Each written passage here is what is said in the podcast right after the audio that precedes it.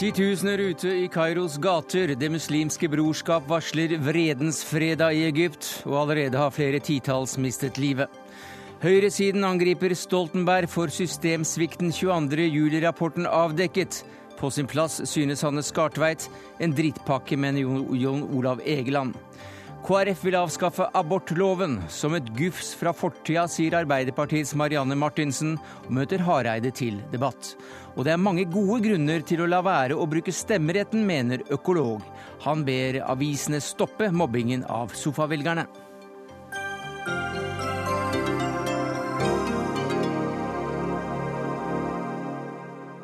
Ja, Det er noen av sakene i Dagsnytt 18 denne fredagen, der vi også tar inn Amanda fra Haugesund og får besøk av forfatteren som til nå har fått de beste kritikkene denne norske bokhøsten.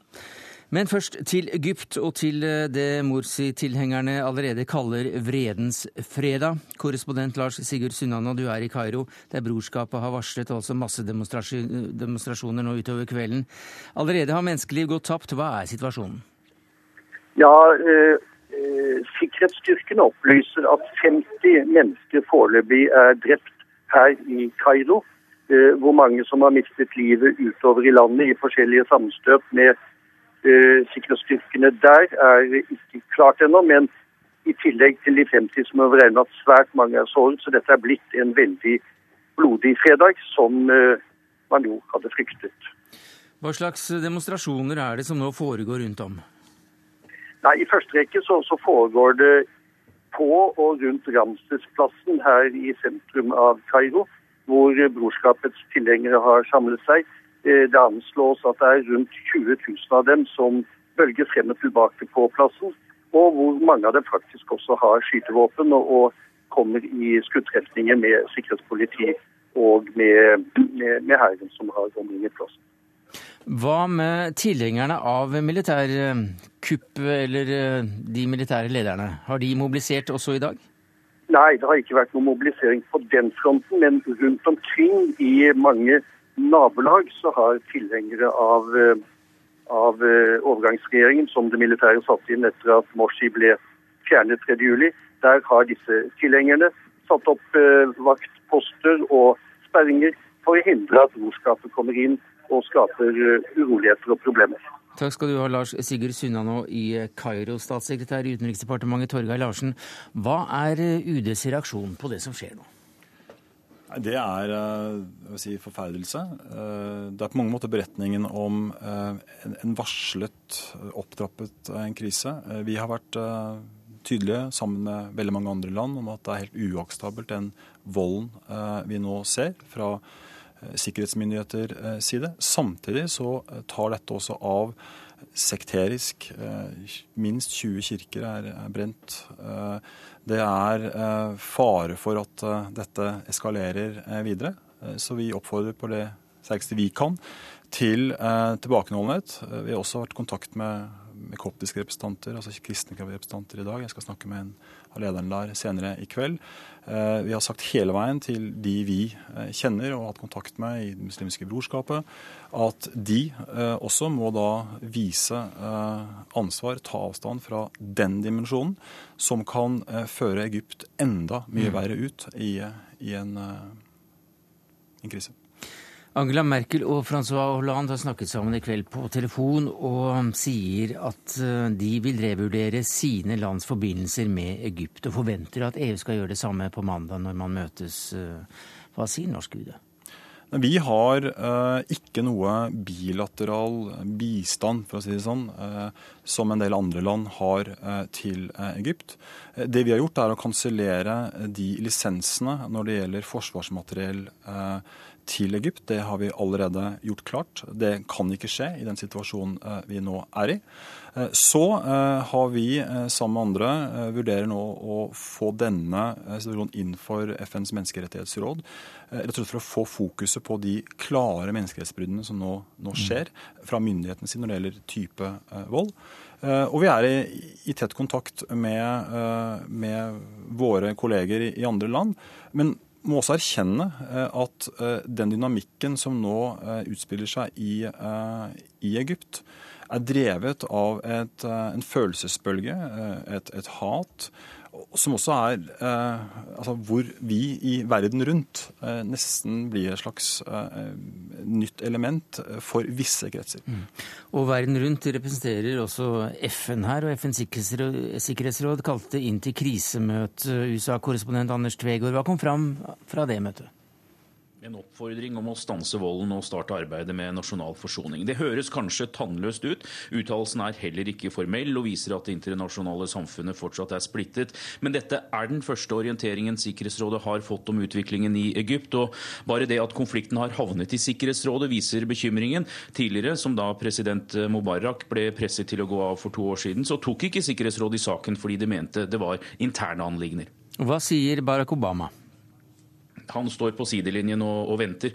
Han sier at um, all hjelp til Egypt vurderes fortløpende. Og det er et økende press her fra ledende senatorer som John McCain om å kutte militærhjelpen på 8 milliarder kroner og stemple det som har skjedd et kupp. Men dette er det eneste reelle pressmiddelet USA har, og inntil videre så er det mer symbolske ting eh, som gjøres, som å avlyse en felles militærøvelse som er planlagt neste måned. Takk skal du ha, Anders Tvegård i uh, Washington, Midtøsten-forsker ved Fafo. Jakob Høygilt, du skrev i går på NRK Ytring at spørsmålet nå er om militærets brutalitet kan slå tilbake og skape en borgerkrig. Og det er jo et veldig godt spørsmål. Hva er svaret?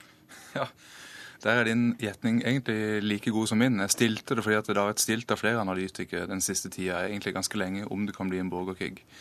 Ehm, det er ting som uh, taler, det er en del ting som taler mot, men uh, men det kan også være ting som taler for. Når det gjelder det som taler mot først, så er det at uh, Muslimbrødrene har ikke noen militant historie. Siden 60-tallet har de lagt ned helt noe militant gen, en sivil bevegelse. Uh, så er det det at uh, den nest største islamistiske styrken, salafistene, det største salafistiske partiet, Nordpartiet, har en fredelig historie, og de har stilt seg, prøvd å være brobygger i denne konflikten, og ikke støtta verken muslimbrødrene eller det militære helheten. Så de kan kanskje være med på å avverge faren for en, en uh, borgerkrig. Når det gjelder de jihadistiske gruppene i Egypt, så ble de knust på 90-tallet. De er i dag enten ganske reformert eller såpass splitta at uh, de ikke kan være en drivende kraft, iallfall på kort sikt, i en borgerkrig. Det som taler for, det fins en interessant analyse av at uh, militære og enkelte grupper i den sekulære liberale opposisjonen, hvis vi skal kalle det det, faktisk har bestemt seg mer eller mindre for å, for å presse islamistene så hardt at de til slutt ikke ser noe annen utvei enn å ty til våpen. Og så kan man gå løs på dem og si at de er voldelige, og at de er terrorister som må eh, knuses. Eh, jeg vet ikke om den analysen holder, men det er, det er urovekkende at eh, man i det hele tatt kan stille det spørsmålet. Bjørn, Bjørn Olav Utvik, du er professor i Midtøsten-historier. og Det var altså da så å si samlet sivilsamfunn som sto bak Eh, styrtingen av Mubarak og revolusjonen for eh, to, drøye to år siden. Eh, hvordan, hvordan, forholder det seg nå, disse ulike gruppene, til det som nå skjer? Altså, hvem er det som nå støtter det militære, og hvem er det som ikke gjør det? Vi hørte salafisten her i en, en, i en merkelig sånn dobbel posisjon ved at de er veldig konservative, men støtter ikke brorskapet.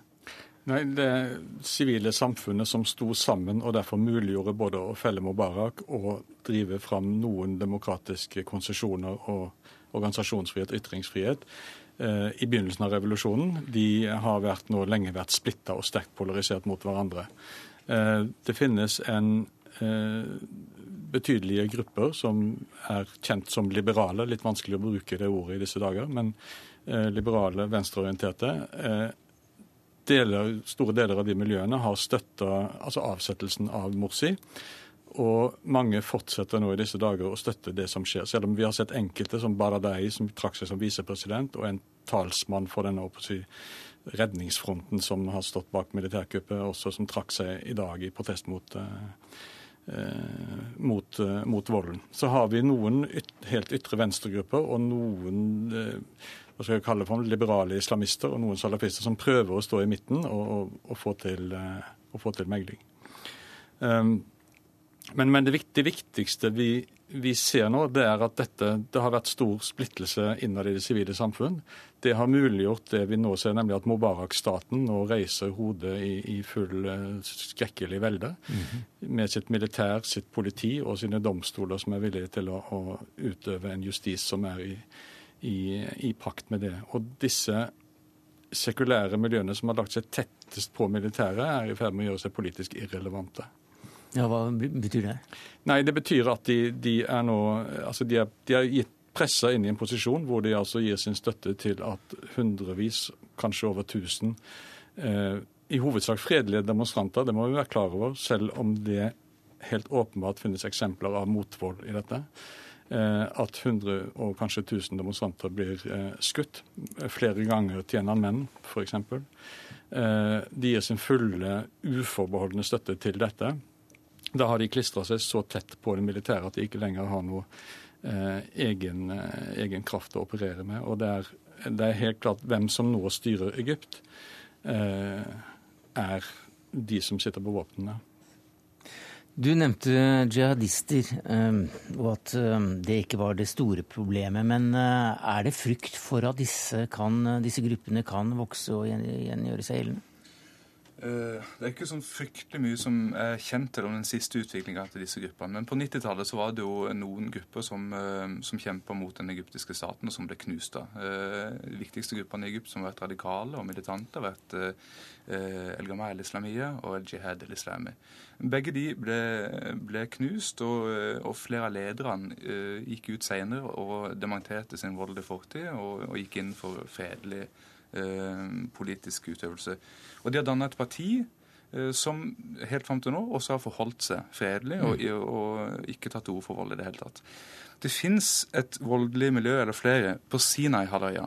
Eh, men det er noe litt annet. Det som skjer på Sinai-halvøya, er ikke nødvendigvis eh, noen ikke noe pekepinn for hva som skal skje i resten av Egypt. Sinai det er en spesiell eh, situasjon mm. hvor det er lite statsmakt, og hvor det er en stor gruppe som føler seg marginalisert, marginalisert i Egypt.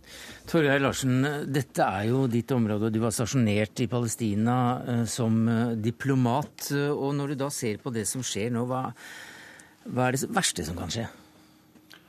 Nei, altså Egypt, eh, hvis man sammenligner med andre land i regionen, har jo en, en stolt historie om å ha klart å, å bevare eh, en, en, ro, ikke noen stor borgerkrig i historien sin. Et, et veldig mangfold, et, et, lokk man har klart å holde der i en slags forståelse. Eh, men enorme krefter, forskjellige krefter. Og det er jo det som er, bekymrer alle oss som ser på at det er en polarisering langs noen skillelinjer som er voldsomme. Og det er ikke tvil om at det er mange mennesker som støtter eh, det militære. Men du henter ikke din demokratiske legitimitet i, i, gata. Det er det ene. Og det andre er, som er vårt da eh, hovedbudskap som vi har eh, framført, jeg gjorde det selv for, for tre uker siden der nede, at eh, nasjonen Egypt vil ikke være i stand til å ha en stabil framtid uten at alle grupper bringes om bord eh, på en måte i en prosess. Mm. Og du kan ikke snu klokka tilbake. Det kan ikke Det muslimske brorskapet i forhold til å komme tilbake eh, til der de var med Morsi. Men det kan heller ikke de militære. Mm. Verden kan ikke og vil ikke forholde seg til et eventuelt nytt regime slik man forholdte seg til Mubarak. Det har, det har rent mye vann eh, forbi eh, den brua, eh, og det er en helt nytt, eh, ny region, et nytt Egypt, og også en ny verden i forhold til det. Men har verden noe å si her, da? Verden har noe å si. Det er ikke mye å si når det gjelder Syria? Eh, I den forstand at uh, jeg tror noe av utgangspunktet for uh, frustrasjonen, bevegelsen i Egypt, er som i mange andre land i Midtøsten, er økonomien. Mm. Det er klart at Egypt har et avhengighetsforhold til regionen, til, til, verden. Og det er jo det det også handler om. Utvik, hva er det du ser spesielt nøye etter nå for å se på utviklingstrekket, hvordan dette kommer til å gå? Det er klart Én eh, ting å følge er eventuelle splittelser i den sivile fronten som har støtta eh, militæret. Selv om jeg, jeg, frykter at nå er dette løpet så langt kjørt at selv det vil ikke kunne få militæret til å trekke seg tilbake, selv om de mister sin, sin sivile dekke. Naturligvis det andre er altså, hvordan brorskapet eh, reagerer. Det er en sekterisk eh, fare her. og, og det er det er helt klart at hvis at det er altså Når du skyter 1000 hvis det er det, demonstranter, så er det klart at det er ikke overraskende at noen sier at man får hevntanker. Eh, men det er klart at i det øyeblikk man, man skulle ta på og få tanker om prøve å møte dette med våpen, så for det første kommer det til å bli knust. Og for det andre så legitimerer det spiller rett i armene på generalene. Og mye sannsynlig vil de, om de har planlagt det eller ikke, men de ville være veldig glad hvis det skjedde. Um, det, det men det, det, som jeg ser etter, eller som jeg mener er viktig å holde fast i analysen her, er at uansett brorskap eller ikke brorskap, så er en av fruktene av revolusjonen var et, et skjørt, noen skjøre begynnende demokratiske institusjoner hvor makt skulle fordeles i et konfliktfylt samfunn etter valg. Eh, det vi har nå, er at dette fikk ikke anledning, man fikk ikke anledning til å felle brorskapet i valg. Militæret tok over.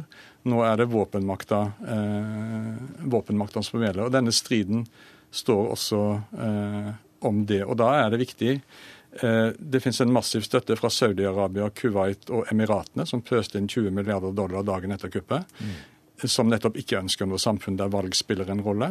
Og det, Da har det en betydning hva Vesten eh, gjør, hvordan man forholder seg til dette eh, regimet.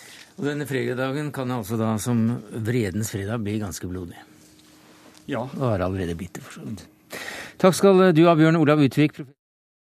Studier Torgeir Larsen, statssekretær i Utenriksdepartementet, Jakob Høygilt, forsker ved Fafo, og korrespondentene Lars Sigurd Sunnan og, og Anders Tvegård.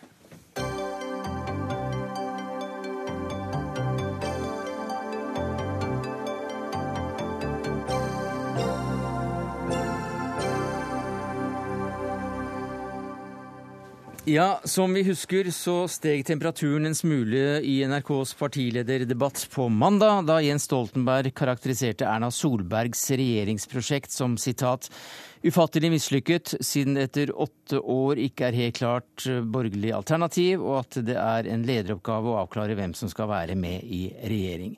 Det fikk tidligere Høyre-politiker, nå leder i Sevita, Kristin Clemet, til å gripe pennen og i bloggen oppfordre Høyre-folk til å ta av seg silkehanskene, snakke litt om gale holdninger, kultur og lederskap i forvaltningen under Stoltenberg ledelse, som sitat i verste fall kan koste menneskeliv. I dag hørte vi altså Erna Solberg eh, peke på at 22.07-kommisjonens rapport var knusende, og Fabian Stang mener Høyre-folk lenge nok har gått på tå hev med denne kritikken. Punktum, men ikke finale. For Jon Olav Egeland, du er redaktør i Dagbladet, og du skriver i en kommentar i dag at uh, det vi nå er vitne til, er en drittpakke, da med Clemets blogg som utgangspunkt. Hva mener du med det? Med det så mener jeg at eh, det helt klart er et utspill som søker å sverte Eh, statsministerens personlige karakter og lage en direkte forbindelse mellom eh, massakrene 22.07. og eh, hans personlige lederstil. Og Det fører vekk fra det som er hovedspørsmålet når det gjelder 22.07., nemlig at det vi ser var primært en systemsvikt av grov og alvorlig karakter. Og Det tror jeg ikke Clemet for øvrig er uenig med meg i. Men jeg opplever at man her har beveget seg utenfor det som jeg syns er en konstruktiv linje i dette spørsmålet. Eh, nå ser vi jo at eh, man ruller tilbake. Erna Solberg har jo nå korrigert, eller i hvert fall eh, rettet opp sin og sagt at dette har ikke noe med 22.07 å gjøre i det hele tatt. Eh, og vi, vi, ser vel at man er litt på retrett, og det kan jo ha sammenheng med at det var ikke noe støtte å få for dette utspillet i noen av de andre borgerlige partiene. Verken Siv Jensen eller Hareide f.eks. Eh, hadde noe sans for dette. Men er det noe overraskende at eh, akkurat denne rapporten, 22.07-rapporten, brukes i en valgkamp? Nei, det er ikke overraskende. Og det er selvfølgelig helt legitimt å, å, å kritisere regjeringens arbeid når det gjelder beredskap og sikkerhet før 22.07. Og det er ikke noe tvil om at Jens Stoltenberg og hans regjering har konstitusjonelt ansvar for denne perioden. Spørsmålet er jo om man skal foreta en en så direkte kobling mellom personlige egenskaper og ledelsesstil og det som skjedde. Uh, ja, Hva er feil med det? det, ja, det, det fordi det rett og slett er, det er et sidespor. Fordi dette spørsmålet handler ikke om, uh, om Jens Stoltenbergs personlige uh, lederstil på det tidspunktet. Det handler om en stor systemsvikt som omfatter mye av statsapparatet, og som går langt tilbake i tid. mye lenger tilbake enn de åtte årene som, som Stoltenberg har vært, har vært statsminister i. Det er et felles ansvar, tror jeg, for de fleste politiske partiene å gjøre noe med dette. Og jeg er redd for at man her på en måte får fokus et galt sted. Mm. Kritisere Stoltenberg, det hører hjemme i en valgkamp. Det kan det ikke være noe tvil om. Kristin Clemet, leder i tankesmien Civita, hva sier du til dette? Ja, Det jeg sier er at det Egeland har skrevet om meg i dag, det er absolutt usant. Eh, jeg har aldri ment, aldri tenkt at Jens Stoltenberg eller noen annen politiker er skyld i 22. juli-tragedien. Og jeg har aldri ment og aldri sagt at den tragedien kunne vært unngått hvis vi hadde hatt en annen regjering. Derimot så har jeg i ca. 25 år vært opptatt av det som heter forvaltningspolitikk. Det handler om hvordan vi skal styre staten og styre i staten for å greie å gjennomføre politikk. Og De siste par årene så har det kommet ganske mange rapporter og signaler om at det er sviktende gjennomføringskraft i deler av forvaltningen. Ikke alle deler. Jeg har selv trukket frem Skatteetaten som en etat som har fått til mye gjennom digitalisering av selvangivelsen og spart oss for mye penger, plunder og heft. Men i andre deler av forvaltningen, f.eks. For samferdselssektoren, så er det store gjennomføringsproblemer. Og Disse problemene synes å ha vært tiltagende. Og Når det gjelder Gjørv-kommisjonen, så er det en sak som er ferdig behandlet av regjering og storting. Men det spørsmålet jeg og mange andre har reist, det er behandlet Gjørv-kommisjonen, avdekket Gjørv-kommisjonen kun en enkeltstående hendelse, et case? Eller har de avdekket fenomener som også gjør seg gjeldende i andre deler av forvaltningen? Jeg tror alle ja. er enige om at det siste. Jo, men jeg tror jeg også må minne deg på også, om at du skriver at det er noe galt med holdninger, kultur og lederskap i forvaltningen under Stoltenbergs ledelse. Og du skriver også at dette i verste fall kan koste menneskeliv. Ja, det kan du altså. Enten man ja. svikter på samferdselssektoren, helsesektoren Og det er vel ganske lett, som andre politikere, også Høyre, gjør, nemlig at de kobler det til 22. juli-rapporten? Kommentere hva andre politikere gjør, men bare si at hvis man skal gjøre noe med gjennomføringsproblemene i forvaltningen, eh, så må man se på hva som er årsaken og hva som kan være løsningene. Og Her kunne vi snakket om mange forskjellige tiltak, men det desidert viktigste etter min og mange andres oppfatning, det er å gjøre noe med lederskap og ledelsen i forvaltningen. Men Så du kobler ikke dette til 22. juli-rapporten i det hele tatt? Nei, Selv om du skriver at i verste fall kan dette koste menneskeliv? Ja, det er vel egentlig, Jeg skrev det også for noen uker siden i Dagens Næringsliv uten at noen reagerte, men det er vel egentlig opplagt at vi en, hvis vi har en dårlig forvaltning, så kan det koste oss både penger og eh, ha andre konsekvenser. Og det kan også koste oss tillit mellom borgerne og mm. staten. Derfor er det et veldig viktig politikkområde som har vært forsømt i årevis, både av politikere og av mediene. Og jeg syns at man må kunne diskutere dette. bare for å si sånn at Når det gjelder ledelsen i forvaltningen, altså lederpolitikken i statsforvaltningen, også et forsømt område. Eh, ja, men, men det, er, det, er, det, er, altså en politisk ledelse som, vi, som, som vi, nå snakker om. Både den administrative og politiske ledelsen. Ja. Og, og, bare for å avslutte dette. Ja. Forvaltningspolitikken det har regjeringen ansvar for, siste instans statsministeren, som alle andre mm. politikkområder. Mm. Hanne Skartveit, du er politisk redaktør i Verdens Gang. og 14.8 i fjor, dagen etter 22. juli-kommisjonens rapport kom, så ga VG Stoltenberg det rådet om å gå av som statsminister. Eh, og i dag så sier eh, i dag sier Fabian Stang at de lenge har gått på litt forsiktig i dørene. Og dere etterlyste jo at opposisjonen skulle gripe denne saken og faktisk stille mistillitsforslag. Hva sier du i dag? Ja, vi ba ikke om mistillitsforslag, men vi mente at Stoltenberg selv burde, eh, burde trekke seg. Jo, vi ba også om mistillitsforslag, at vi mener at opposisjonen sviktet sin rolle mm. av partitaktiske grunner. Jeg tror det er veldig mange som opplever det veldig rart at du hadde terror, et terrorangrep på norsk jord, så, og så ble det avdekket at beredskapen sviktet fundamentalt. Politiet kunne ikke kommunisere, nødmeldinger nådde ikke frem. Eh, kommisjonen slår altså fast at angrepet på regjeringskvartalet kunne ha vært forhindret gjennom effektiv iverksettelse av allerede vedtatte sikringstiltak og at myndighetenes evne til å beskytte menneskene på Utøya mm. sviktet. Det er vel ikke så rart at dette brukes aktivt i en valgkamp? Jeg mener at det er på høy tid at dette blir et tema i valgkampen. Jeg syns det har vært forstemmende å se hvordan alle partier har unngått dette. Eh, posisjonen for at de eh, har Gjørv-kommisjonen liggende der som pålegger dem et stort ansvar, og opposisjonen fordi at de er redd for å støte folk eller redd for å bli beskyldt for å slå politisk mynt mm. på dette. Men vi har altså hatt et terrorangrep på norsk jord som kostet 77 menneskeliv, og det har ikke hatt noen politiske konsekvenser. Mm. Det er helt klart at dette er et legitimt tema i valgkampen. Jeg syns også at, at, spørsmålet om 22. juli og beredskapen skal diskuteres. Men jeg tror vi skal på en måte prøve å holde det på et litt overordnet plan uh, når det gjelder rett og slett for å få resultater. Når f.eks. Fabian Stang fra Høyre, Høyres uh, ordfører i Oslo giver seg på dette, så er det jo et faktum f.eks. at uh, Høyre og Oslo kommune var blant de som forsinket f.eks. For sikringen av Grubbegata vesentlig i den prosessen. Og Da må vi ikke bare diskutere det som man så som en ren sånn byutviklingsprosjekt. Da må vi diskutere hvordan vi på en måte skal gjennomføre sikringstiltak på en ordentlig og effektiv måte. Så på en måte alle har, har et medansvar for at vi sitter med, eller vi satt med en, et dårlig politi og en dårlig, og, og et, en dårlig forvaltning.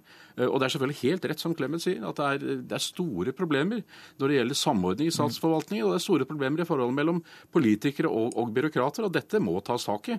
Og det er det vi bør diskutere, for jeg tror nemlig hvis man begynner å stykke opp dette sånn i, i, i deler av personansvar, så går vi i en gal felle. Da blir det ikke systemkritikk, men personkritikk. Det Egeland nå gjør, er det vi har sett veldig mye av etter Gjørv-kommisjonens rapport. En enorm pulverisering av ansvaret. Det er flere ord som har mistet betydning etter 22.07. Beklager, unnskyld, ansvar. Det er ord som for mange ofre og pårørende ikke lenger betyr noe. Fordi at alle har brukt det, og ingen har ment noe med det. Jeg fulgte, jeg fulgte høringen i Stortinget etter kommisjonsrapporten. Der satt den ene etter den andre og veltet ansvaret over på andre. Tok det ikke. Det er veldig ille å ha fulgt denne prosessen, syns jeg, med så lite faktisk ansvar plassert hos de som var ansvarlige. Min er det motsatte av, eh, av, pulverisering. Det er tvert imot eh, slik at hvis vi gjør dette ensidig til et spørsmål om personlig ansvar, så når vi ikke frem til det som er kjernen, som er systemkritikken. Men, og den er mye mer alvorlig enn på en måte å bare henge en politiker eller to i, i det høyeste treet. Dette henger jo sammen. Systemkritikken henger sammen med manglende lederskap på høyt politisk nivå, på toppnivå i politikken. Ja, men det er en systemsvikt som er utviklet over svært lang tid, og med mange aktører i forkant. Det direkte ansvaret det er, det er klart, og det kan vi plassere. Men skal vi oppnå noe, så er vi nødt til å heve det litt over, over det nivået. Skal vi oppnå, så må det handles. Det er poenget. Det som er litt trist her, det er at eh, forvaltningspolitikk det er et eh, forsømt område, som jeg sa i sted. Og det er veldig mange mennesker som jobber i forvaltningen, som egentlig er lei seg og skuffet over at det er så få politikere, og så få medier som er interessert i dette temaet generelt. Og da Gjørv-kommisjonen kom, så det har vi overlatt til regjering og storting å behandle. Men det som skjedde da, var for første gang at det skaptes en viss interesse for forvaltningspolitikk. Og mange var, på tross av det tragiske bakteppet, glad for at man nå kunne diskutere det. Det hadde vært en enorm interesse rundt konferanser osv. om dette. Og det er mer enn nok av eh, problemer å diskutere i forvaltningen, eh, uten at vi behøver å rippe opp i Gjørv-kommisjonen og eh, de tragiske hendelsene. Det er for så vidt du i bloggen din som blir tolket dit hen, da. Ja, men jeg syns det er en veldig urettferdig tolkning. av dine egne partifeller? Eh, det vet jeg ikke, men jeg, jeg, jeg har skrevet spaltemeter om dette. Det går an å lese bloggene mine. Jeg skrev, jeg skrev en artikkel for noen to-tre uker siden i Dagens Næringsliv med det samme innholdet. Jeg fikk en del rosende, hyggelige mm. meldinger, men ingen kommentarer fra noen. Men hvordan være, og jeg har oppfordret egentlig både begge statsministerkandidatene mm. til å avklare hvilket program de har for å mm. styrke forvaltningen. Ja. Egland, hvordan leser du denne bloggen? Jeg leser den selvfølgelig, som jeg tror de fleste gjorde, eh, som et forsøk på å foreta en kobling eh, av den, av den type som, som Kristin Clementon sier at hun ikke ønsket.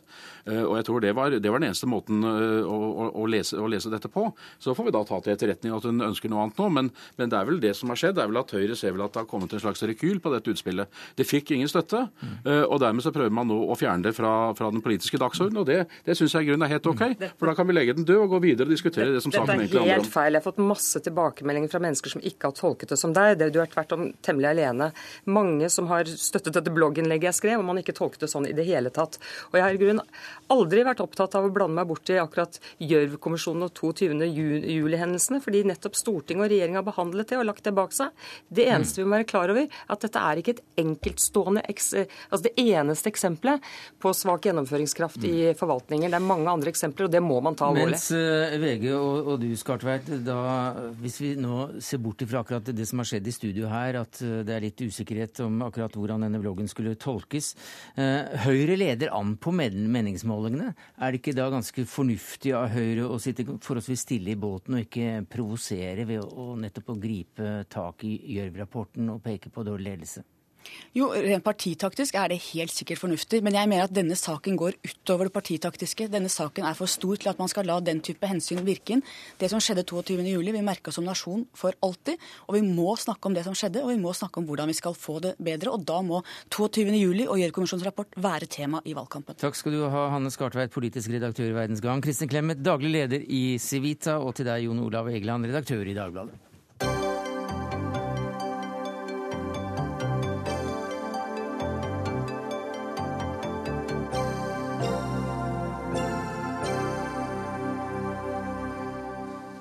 Mer politikk, for KrF vil avskaffe dagens abortlov. Det står jo for så vidt i programmet, men i partilederutspørringen i P2 i dag så ble du sådd en viss tvil om, om hva du som leder, Knut Arild Hareide, egentlig vil ha isteden. Så hva vil dere ha isteden? Ja, Det ble vel ikke noe mer tvil, for jeg fikk jo til og med lese opp fra partiprogrammet. Så jeg skal ikke gjøre det en gang til. Ja, men Da men kan det, jeg hjelpe deg på vei. for ja. Du sa samtidig i morges at KrF vil erstatte dagens abortlov med en lov som sikrer rettsvern for ufødt liv. Men at dere ikke er imot prevensjon som forhindrer befruktede egg i å feste seg. Mm, det stemmer. Jeg, er ikke det inkonsekvent? Det, det, for å si sånn, Vi er opptatt av eh, å sikre at flest mulig Eh, liv blir tatt vare på. Mm. Dere, skal sikre, og, og, altså, dere, skal, dere, skal sikre rettsvern for ufødt liv. Mm. Men befruktet egg er vel ufødt liv? Ja, men jeg sa òg at vi vil ikke tilbake til det nemndsystemet som vi har. Men for å ta en konkret ting da, som vi er veldig tydelige på, vi ønsker å endre med dagens eh, abortlov, er jo det som er i dag paragraf 2c, som heter eugenisk indikasjon. Det vil da si at i dag er det enkelte som lever med en diagnose med en egenskap som er slik at, eh, at det er en selvstendig rett til abort og etter uke tolv. Eh, det er nok den tydeligste endringen som KrF har eh, ved dagens eh, abortlov. Og så er det klart at vårt mål er å redusere antall aborter. Det er altså over 15 000 aborter. Etter utspørringen i dag så sa jeg bl.a. at det er sånn at annenhver gravid kvinne i Oslo mellom 20 og 24 år velger å ta abort. Det kom det så mange etterspørsler at faktaskikk gikk inn i den informasjonen. Det er dessverre riktig. Og det jeg mener som er hovedutfordringen til Arbeiderpartiet, er jo det er jo ingen som er for aborter. Mm. Men hva gjør vi for å få antallet ned? Og da tenker jeg at uh, eksempelvis eh, når vi vet at økonomi er en av de viktigste grunnene til mange unge gravide velger å ta abort, så vil vi øke bl.a. engangsstøtten. Mm. Vi er opptatt av å og gjøre det bedre for studenter. Det er òg det med gratis mm. prevensjon for de under 25 år har vist seg å være veldig mm. vellykka. Og det er jo den store utfordringen. Marianne Martinsen, som stortingsrepresentant for Arbeiderpartiet Arbeiderpartiet så sa du at uh, dette utspillet fra Knut Arild Hareide er et gufs fra fortida. Hva mener du med det? Fordi det eh, KrF i realiteten foreslår, er jo å frata kvinner rett til selvbestemt abort. Vi hører Knut Arild Hareide prøver å pakke inn dette med litt penere ord, men det er det som ligger i KrFs politikk. KrF har jo f.eks. vært med på å fremme et grunnlovsforslag hvor man, vil, eh, hvor man vil sikre retten til liv fra unnfangelse. Og det betyr jo i klartekst at abort blir eh, ikke bare forbudt, men grunnlovsstridig. Eh, og, ja, stemmer meg, ikke det, Hareide? Altså, jo, det men jeg har lyst til å si at nå er det jo foreslått at nettopp retten til liv skal inn i Grunnlova. Eh, det er faktisk et flertall i eh, den nye grunnlovskommisjonen som foreslår det. Så er det nok sånn at det vil nok ikke føre til en endring i abortloven når det blir et flertall som tar det inn. Men det vil fjerne abortloven? Men vi vil endre abortlova. og si sånn, Det er ingen politisk nyhet at KrF har et annet ideologisk mm. synspunkt til abort. Mm. Så er det nok sånn at det Et øyeblikk, vi må sånn... slippe til Martinsen. Ja, nei, altså Det er ingen, ingen, politisk nyhet at KrF eh, ønsker å fjerne abortloven. Men jeg syns det er fint at vi får opp en diskusjon om hva dere vil ha i stedet. For det har dere vært fryktelig uklare på. Dere skriver i programmet deres at dere vil ha et system hvor disse avgjørelsene skal skje eh, i, i man kaller det dialog mellom den gravide kvinnen og legen. Og det er, det er, grunn til å spørre, da. Altså, hva, hvor mener dere at lista skal ligge igjen? Altså, hvor mye skal man grine foran legen sin eh, før det å få innvilga et svangerskapsavbrudd er, er, greit? Holder det at man selv ikke føler at man er i stand til å ta, ta vare på et barn? Eh, må man ha en psykisk diagnose? Må man være voldtatt? Altså, Dere må ha en mening om hvor lista skal mm. ligge. Dette har norske kvinner krav på å få vite. Og det får du vite nå. Ja, fordi at eh, det er jo et sånt system som i realiteten i dag for eh, gravide over uke tolv. Det er òg i dialog mellom pasient og lege. Eh, så hvorfor er det et, så, det systemet som Martinsen her går fryktelig hardt ut mot, er jo da i realiteten det vi praktiserer etter uke tolv. Det skjer jo etter visse kriterier. Og fram til uke tolv så har man altså selvbestemt rett til abort i dag. Det vil dere frata norske kvinner. Og det mener jeg faktisk er ganske rystende at man sitter i 2013 og diskuterer et system som i praksis vil gjeninnføre strikkepinnesamfunnet, for det er det det vil. Altså man har, man har land i verden hvor de offisielle aborttallene er tilnærma null. men det fins ingen land i verden hvor de faktiske aborttallene er null, fordi du kan ikke tvinge kvinner til å bære fram barn. Eh, for å si sånn, eh, Jeg har nå gjentatt det tre ganger. Jeg sier at vi vil ikke tilbake til nemndsystemet. Da syns jeg Arbeiderpartiet skal forholde seg til det. Nei, jeg men det jeg, sagt det jeg har utfordret Arbeiderpartiet på, er jo òg de konkrete forslagene. Og Er det sånn at eh, er det ikke noen målsetting for Arbeiderpartiet at vi skal få ned aborttallene i Norge? Er det ikke en politisk utfordring at vi Selvfølgelig er det en målsetting. ikke, Vi har bruker- foreslått vi bruker- forslag. Hvorfor er det ingen av de forslagene Vi bruker- Arbeiderpartiet vil støtte? Vi bruker 30 millioner kroner i året på abortforebyggende tiltak. Vi har dette forsøket med eh, gratis prevensjon til kvinner under 25, og vi har skrevet i vårt program at det er eh, en ordning som vi, eh, som vi vurderer å utvide og videreføre. Men den mest effektive måten å få aborttallene ned på, er selvfølgelig å forby det. Og, og du sier at du ikke vil tilbake til nemndsystemet. Nei, du kan godt kalle det noe annet, men faktum er jo at dette er ikke en avgjørelse som skal ligge hos kvinnen sjøl. Altså, da blir det opp til noen andre å bestemme hvorvidt en kvinne skal være nødt til å bære fram et barn eller ikke. Det er et gufs fra fortida. Ja, jeg gjentar nå for fjerde gang. Vi sier altså vi ikke skal tilbake til nemndsystemet. Da da? må Martinsen legen, forstå det. Da sier vi at det skal være en dialog mellom kvinna og, og eh, pasienten. Det er det som er vårt svar. Det er det vi sier i vårt program. Og det er nå gjentatt for tredje gang. Da må Martinsen få det med seg. Ja, men du har fortsatt Men- ikke svart ja eller nei på om kvinnen skal få lov til å bestemme dette selv fram til tolvte uke. Ja, men jeg, jeg forholder meg fullt og helt til det som står i programmet. Vi skal ikke tilbake til nemndsystemet. Vi skal altså ha det sånn at dette er en dialog mellom pasient og lege. Hvem skal det, Det siste, er- ord- hvem skal ha det siste ordet? Hvis de er uenige. Ja, det eh, er det sånn at det Er er det Tårer som bestemmer, eller? Nei, eh, jeg syns på en måte en skal ta dette på, på dypeste alvor. Ja, og Men, det men, men et øyeblikk, jeg hadde et spørsmål. Altså, hvem er det som til slutt skal bestemme hvis det er uenighet mellom legen og, og pasienten, kvinnen, i, eh, i dette tilfellet? Ja, det skal jeg være eh, I, i det forslaget som, som er nå, så er det jo nettopp en, eh, en dialog mellom pasient Og hvis det er uenighet, da? Ja, det, det er en faglig vurdering som ikke jeg vil gå inn på. Takk skal du ha, Knut Arild Hareide, leder i KrF, Marianne Martinsen, stortingsrepresentant for Arbeiderpartiet.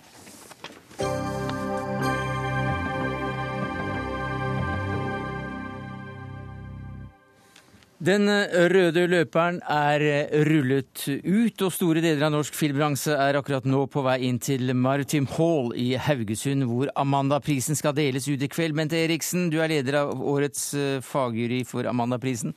Jeg forstår at du ikke er med oss ennå, men jammen var det en liten rød løper som, som ble lagt ut her også, for innkomma. Åse Kleveland, Amandas eh, første programleder. For eh, ja, hvor mange år siden er det? Det må være 28 år siden. Og hvordan var det å, å for så vidt eh, trå til som den, i den første Amanda-prisen? Hva var Amanda på den tiden? Da skulle Norge få Oscar. Det var liksom det Ja, som eh, var tingen. Men det var klart det var veldig viktig, fordi at norsk film var et stebarn i norsk kulturpolitikk.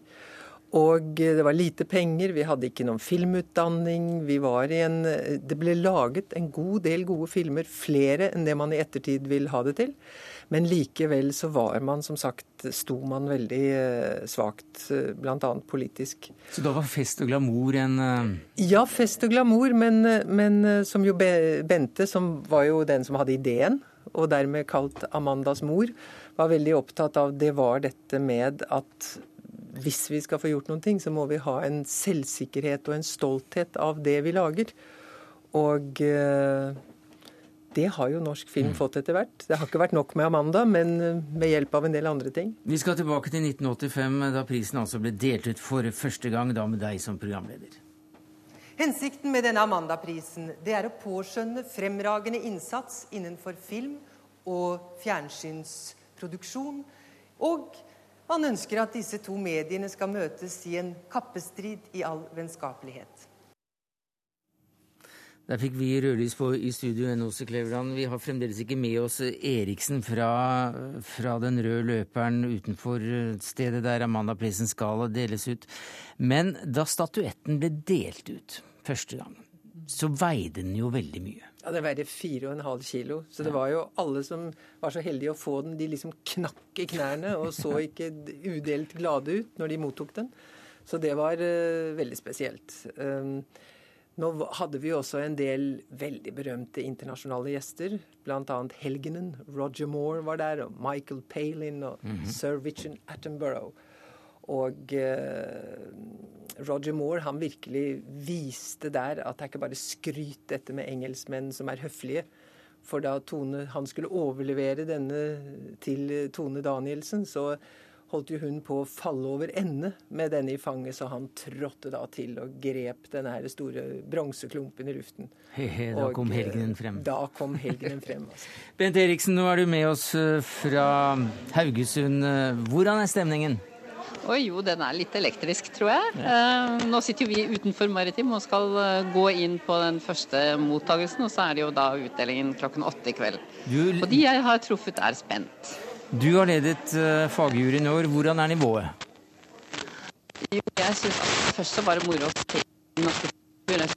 Veldig bredt spekter. Gode filmer. Gjenspeilet ikke akkurat i publikumstallene i fjor, men det hadde de fortjent.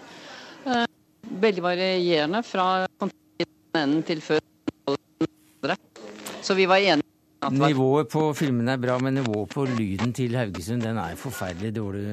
Også Kleveland. Vi har liksom ikke kommet så, så veldig langt akkurat når det gjelder eh, dette her. Men eh, du ledet Svenske Filminstituttet i mange Mm. år. Slik at du, du er i en posisjon der du kan sammenligne eh, norsk og svensk film. Og vi er vel fremdeles lillebroren her. Altså, de, de hadde så langt forsprang. Sverige og delvis Danmark hadde vært pionerer i verdensklasse helt fra begynnelsen av det forrige århundret. Så det var, det var et helt annet eh, utgangspunkt som de hadde. De, både i Sverige og Danmark så hadde man jo sine Amandaer, eller i Sverige heter det Gullbaggen, Mm. som eh, vårt institutt da bestyrte. Og da, i 1985, da dette første Amanda-showet skulle være, så sa jo da ble det sagt veldig klart fra om at heller ikke i Sverige, i Sverige og Danmark hadde man hatt visse trøbbel med å få dette til å bli en stor og folkekjær forestilling, sånn at man fikk nå se hvordan det gikk, da, før man eh, kom videre. Men det som har vært spennende med Amanda, det er jo at Amanda har hatt en veldig sterk nordisk og skandinavisk profil. Og jeg tror fordi Amanda deles ut ved den norske filmfestivalen i Haugesund, og da Haugesund som er en bitte liten vakker by, hvor du ikke kan unngå å snuble på alle på et eller annet eh, gatehjørne eller en eh, kaikant på et eller annet tidspunkt, så er det en utrolig populær festival for filmfolk å komme til. For den er så intim. Den er så intim, så den er både markedsplass og møtesplass, og det er der man diskuterer filmer som er laget, men ikke minst alt det som skal komme. Bente Eriksen, nå er du med oss eh, på telefon, og det er kanskje litt eh, greiere. Vi var innom det Det er mye bedre. Vi var innom det, vi var innom det innledningsvis, du hørte det kanskje ikke, men eh, også Kleveland sa noe en ting om intensjonen med, med Amanda, og at du er en slags mor for det hele. Hvordan ville du eh, at den norske filmbransjen Hvorfor ville du at den skulle få sin egen pris? Jeg opplevde at uh, filmbransjen fortjente var jo også på et tidspunkt hvor norske filmer vel ikke hadde så stort grep om publikum. Og jeg ønsket at det faglige i norsk filmbransje skulle få en honnør som gjorde at publikum ble oppmerksom på hvor høyt nivå det faktisk hadde. Og det var jo derfor man hadde filmpriser både i statene i England og i Sverige og Danmark. Og sånn sett så har man jo lykkes. Fordi det er jo fortsatt en attraktiv pris. Det er hyggelig. Hvordan ser du på nivået nå i forhold til da prisen ble delt ut første gang? Helt forskjellig, vet du. For nå lager jo er, De norske filmene går mye bedre publikumsmessig. Det man til tider kan savne, er jo de virkelig engasjerte filmene som virkelig har noe på hjertet. Men det er jo også et utrolig høyt teknisk nivå på de norske filmene. Altså ikke tilbake på utenlandske filmer. Har du noen favoritter i år også, Kleveland? Det syns jeg er vanskelig å si.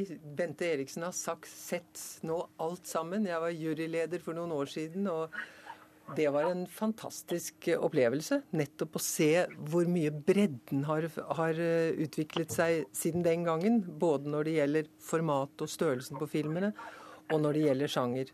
Sånn at jeg eh, våger ikke å løfte frem én.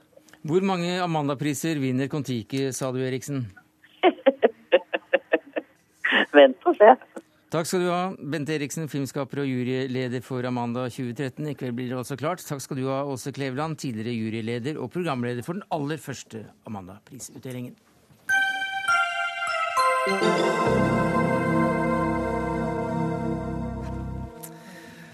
Etter at en rekke aviser har lansert en felles kampanje for å få folk til å stemme. Ja, så leser vi i en kronikk i Aftenposten eh, at det er eh, en forsvarstale for de som ikke stemmer, som også er aktuell. For det blir en farse å stemme blant et hav av bevisstløst eller kunnskapsløst stemmekveg, skrev du som økolog, Tormod Våland Børke. Hva mener du med det? Ja, Poenget mitt er vel at uh, systemet kan virke fullstendig handlingslammet i forhold til å løse de store utfordringene vi har i samtiden. Og um, det jeg sier, er at jeg meget godt kan forstå de som uh, velger å ikke stemme, og i mange tilfeller har jeg større respekt for, for de som foretar det valget, enn kanskje enn de som velger å stemme for et av de store partiene. Ja, hvorfor det? Som, som har Nei, det Uh, hvorfor Hvorfor har du så respekt for de som ikke stemmer? Altså, hva, hva, er det som er, hva gjør det legitimt i å ikke stemme, når vi alle hører hele tiden at du må stemme? Nei, Først og fremst så er det jo det at det kan, selv prosessen kan virke patetisk og ineffektiv. og At det følgelig uh, at man er nødt til å ta helt andre grep. Jeg kan se at for mange virker meningsløst å, å stemme slik det er. Jeg vil si at en mye viktigere kanskje en enda viktigere del av den demokratiske plikten er jo å ta den andre delen, som består i å sørge for at man har en tilstrekkelig basis for å foreta informerte valg. Og um, altså, Dette er ikke opplysningstiden lenger. Vi lever i en veldig mye mer komplisert verden og står overfor veldig mye større mm. problemer enn det vi har gjort noen gang tidligere. og Det krever mye mer både av velgere og politikere, og også av byråkratene. Patetisk og ineffektivt. Hva sier du til det som sjefredaktør i Dagsavisen, Arne Strand? Nei, Det er en meget svak eh, analyse, for å si det svært eh, forsiktig. Hele vårt eh, demokratiske system, det representative demokratiet vårt, bygger på forutsetningen at folk stemmer ved lokalvalg og ved stortingsvalg. Hvis ikke folk benytter stemmeretten, så brytes systemet sammen. Demokratiet forvitrer. Men heldigvis er vi i den situasjonen i Norge at de fleste bruker stemmeretten. Nå har valgdeltagelsen gått litt ned fra 80% etter krigen til uh, litt over 70% nå. Men det er fortsatt en veldig høy valgdeltagelse. Det gir legitimitet til vårt politiske system. Hvis under 50% skulle stemme, så ville Stortingets legitimitet bli borte. Da kunne vi nesten snakke om et mindretallsdiktatur. Mm. For da er det altså det flertallet som ikke stemmer, som bestemmer. Jeg er helt enig i det, men man kan jo likevel si at det er kanskje det allerede er store problemer med demokratiet den andelen av folk som stemmer, gir selvfølgelig en indikasjon på hvordan det står til med demokratiet. Vi har 25% allerede som ikke stemmer. Kanskje det er nok til å si at eh, vi ikke har et spesielt godt demokrati, selv om, selv om det man liker å tro det.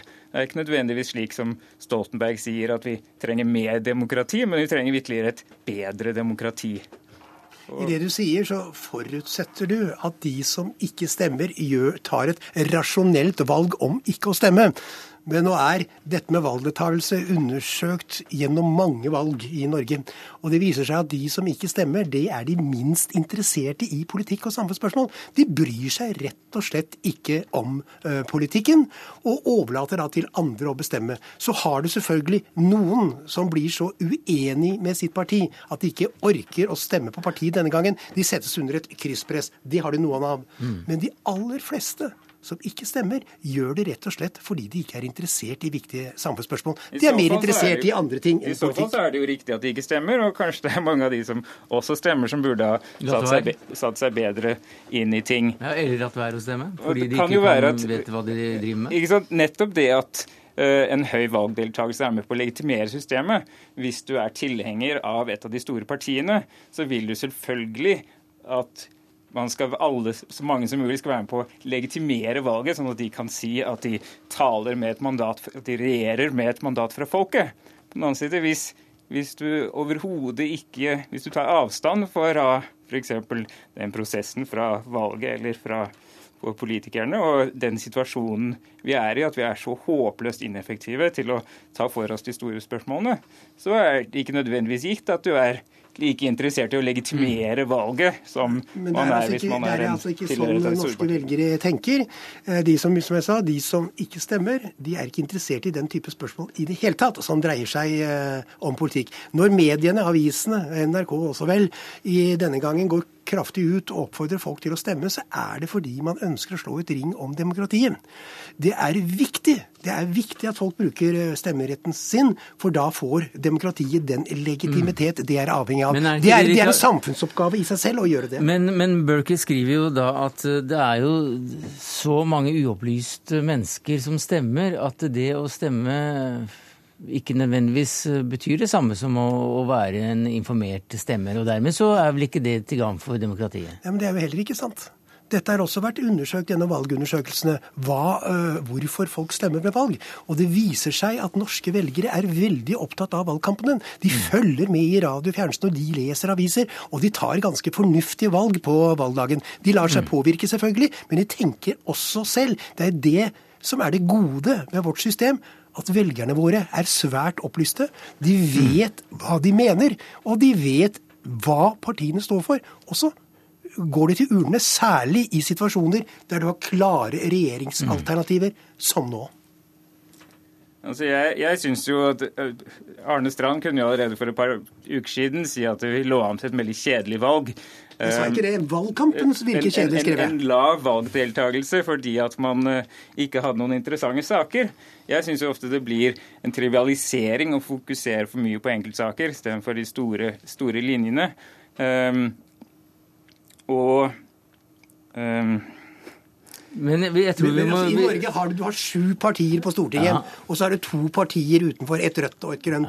Og du skal være ganske negativ innstilt hvis du ikke klarer å finne et parti blant disse som du er stort sett enig med. Mm. Tormod, hvordan å gå Berkey, vil du stemme ved valget? Altså, Jeg har faktisk personlig, det handler vel ikke om meg personlig, jeg har jo tross alt stemt ved alle personlige valg. Men jeg syns at det er veldig underlig, vil jeg si, at man legger så stor vekt på valgkampen. Jeg syns det er underlig hvis folk skulle ombestemme seg i løpet av de siste ukene. Det, handler jo ikke så mye om hva, det bør ikke handle så mye om hva man sier i løpet av en fire ukers periode, men hva man faktisk har gjort i posisjon, og hva man har gjort Mm. over lang tid. Men det kan hende at det kommer klart fram eh, under valgkampen. Men eh, da blir jeg nærmest en aktør her, så da setter vi punktum. Arne Strand, sjefredaktør i Dagsavisen. Tormod Våland eh, økolog. Takk skal dere ha.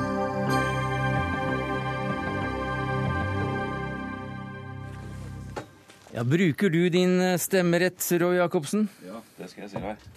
Det er hemmelig valg, men eh, Ja, ikke for meg, tror jeg. Nei. Du var jo i sin tid eh, en del av aksjonen eh, Folk for Jagland. Og for Så- EU, og for, og for eh, alt som for Arbeiderpartiet og SV og ja. Dette er da nærmest som en liten bro fra forrige innslag til denne boka di. Den til nå mest bejublede av høstens bøker, De usynlige, om lutfattige fiskebønder på Helgelandskysten i første halvdel av 1900-tallet. Hva slags bok er det du har skrevet nå? Eh, ja, det var jo et vanskelig spørsmål. Ja. Eh, det er en roman, eh, vi må vel kalle det en historisk roman.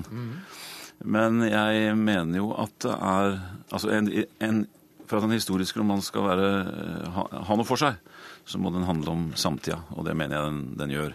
Altså man, jeg ser for meg at man kikker inn i et uh, akvarium f.eks., og der ser man hvordan man levde på en tid som ikke er lenger.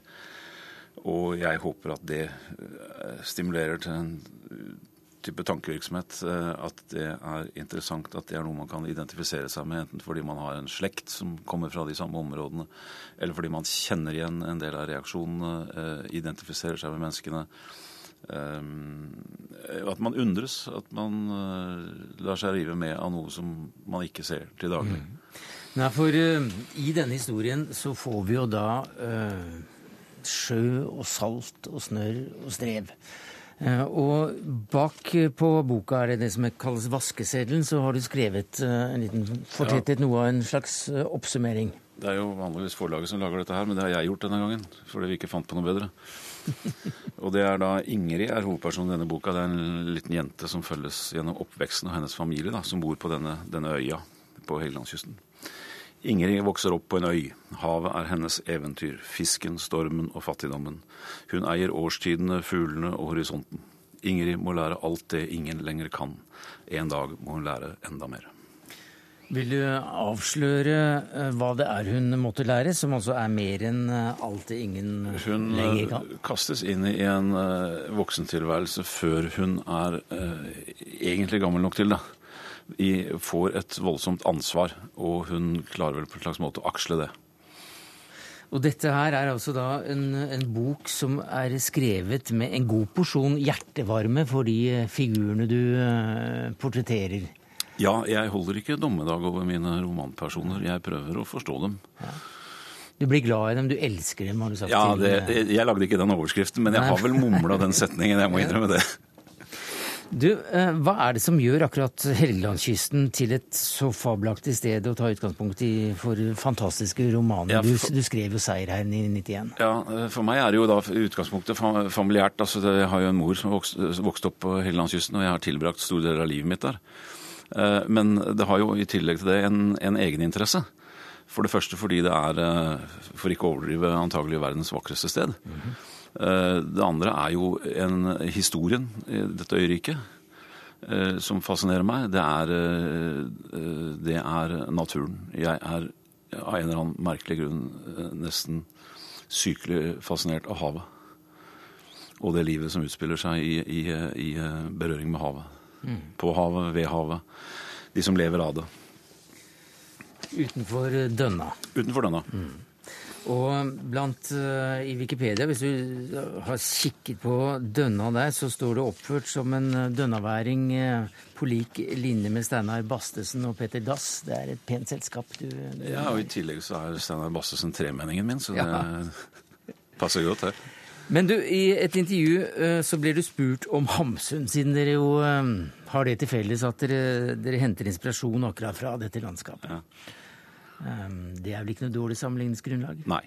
Det er, jo, det er jo smigrende. Men jeg føyde jo til at det også er en fornærmelse. Fordi eh, Hamsun, stor og genial som han er, har jo et, etter min oppfatning problem med en del av sine personer. Han holder jo nærmest dommedag over dem. Og det virker jo som om Hamsun aldri har eh, møtt et menneske av hel ved. Eller et ordentlig menneske, eller en kjernekar for den saks skyld. Men det har jeg. Så det er, eh, det er vel trist å være menneske i Hamsun sine romaner, og det har litt større sjanser i mine. Men det er mye tristess i dine også, selv om det fortelles da med både varme og humor. Ja, det er jo for det første sant, da. Ja. Det var vel ikke så veldig eh, Altså, det, er- det er ikke noe spesielt hyggelig tid jeg skriver om i denne boka her, men det er jo eh, Altså, det, det, er, det er en situasjon, en, et, et liv uten andre valg enn det naturen eh, gir disse menneskene.